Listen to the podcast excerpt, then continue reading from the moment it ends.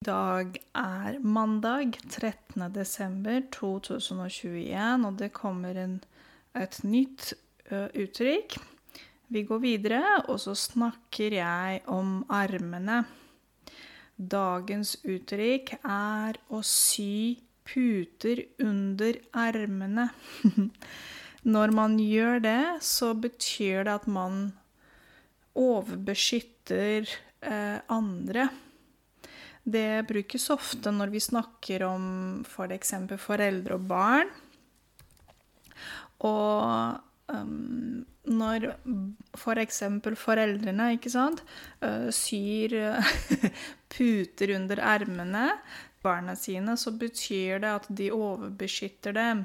Uh, man kan også si at foreldrene um, skjermer bort barna sine. Det betyr at de gjør som barnet egentlig burde gjøre selv. Um, dette uttrykket uh, egentlig kommer fra kryker. Um, jeg vet ikke om dere har um, sett f.eks. krykene på de som har skadet seg. La oss si det er en person som er på vei til jobb, og på vei klarer han eller hun å um, brekke ermen eller f.eks. foten eller benet ved å gli på isen. Man faller ned, det er veldig glatt, det er is. Ikke sant? Det er isglatt på veiene. Og hvis man eh, løper for å rekke bussen, f.eks., så kan det skje at um, ja, man faller ned uh, på fortauet, på veien. Og så opplever man at man har et problem. Man kan ikke gå lenger, f.eks. For for, fordi man har fått brudd på benet, på foten, eventuelt armen. Og så sitter man med ips, ikke sant.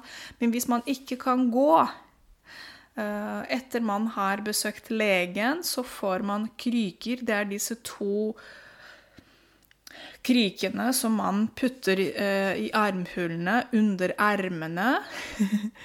Eh, for å kunne gå. Eh, disse krykene er laget av spesielt metall. Eh, de gamle krykene var laget av tre, ikke sant?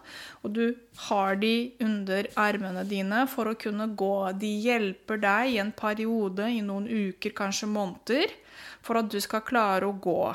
Fordi du kan ikke gå med foten fordi du er skadet, ikke sant? Så man brukte slike kryker med, altså med sånn puter helt på toppen. Fordi det var veldig behagelig å ha disse krykene med puter på. Ikke sant? Og mm, inspirert av det så sier man egentlig at um, sier, men illustrerer med dette uttrykket. Det er morsomt uttrykk, forresten. Ehm, det er morsomt fordi dette her illustrerer toppen av latskapet, på en måte. At barn ikke gjør ting som de kan gjøre selv. Men det er mamma og pappa som gjør det for dem, i stedet for barna sine. Til og med fordi sant, når man er skadet og man bruker kryker, så kan man ikke gjøre så veldig mye. Man trenger hjelp fra andre. Andre som skal hjelpe den personen som er skadet. Ikke sant? Og basert og inspirert av dette, så sier man på norsk å sy puter under ermene når man snakker om foreldre som eh, beskytter for mye sine egne barn. som foreldre som gjør ting for barna, når faktisk barna kan gjøre det selv. Det er ikke bra å sy, å sy puter under armene bar på barna sine. Fordi det betyr at barn ikke lærer å være selvstendige. Det betyr at barn lærer ikke å gjøre ting selv. Barn lærer at de trenger andre for å gjøre ting for dem. Men faktisk, barna skal klare mange ting selv. Ikke sant? Uten å spørre om hjelp fra andre. ok, så for eksempel dere Hvis jeg gir dere et eksempel um, Det fins kulturer hvor det er vanlig at foreldrene syr puter under uh, armene på barna sine. Når barna blir store, så klarer de ikke å rydde hjemme, lage mat eller betale regninger. En regning betyr en faktura. Så hva betyr det? Disse barna som har fått foreldrene som har sydd puter under ermene på egne barn, de klarer ikke egentlig å gjøre ting selv. De klarer ikke å betale en faktura alene uten å spørre om hjelp. De klarer ikke å rydde hjemme fordi de har ikke gjort det. Det var alltid mamma og pappa som gjorde det. De klarer ikke å lage mat fordi det var mamma og pappa som gjorde det for dem. De har ikke lært å gjøre det. Foreldrene sydde puter under ermene på dem. Dette verbet er uh, verb i gruppe nummer fire. Å sy, sydde, har sydd. Jeg vet at det er vanskelig vokal y. Eh, for, å, for, å, forklare vokalen y, så trenger jeg en ny episode, og helst med video for at man skal se denne illustrasjonen. Men dette her er en helt annen diskusjon. Okay? Så sånn er det dere med foreldre som syr puter under armene på barna sine. Men det er ikke bare foreldrene som gjør det. Det kan brukes også i andre situasjoner. Eksempel um, hvis vi snakker om en daglig leder og styrets leder, altså sjefen på jobb, og ansatte. Det kan også være uh, Man kan også bruke det i sånne kontekster, for eksempel.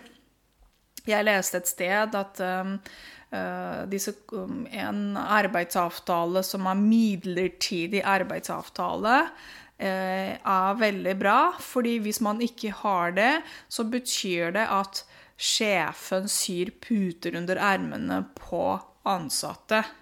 Hva betyr det?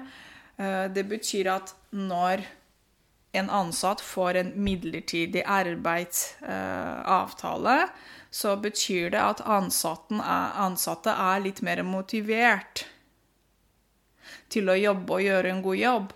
Men hvis man ikke har sånne midlertidige arbeidsavtaler eller kontrakter,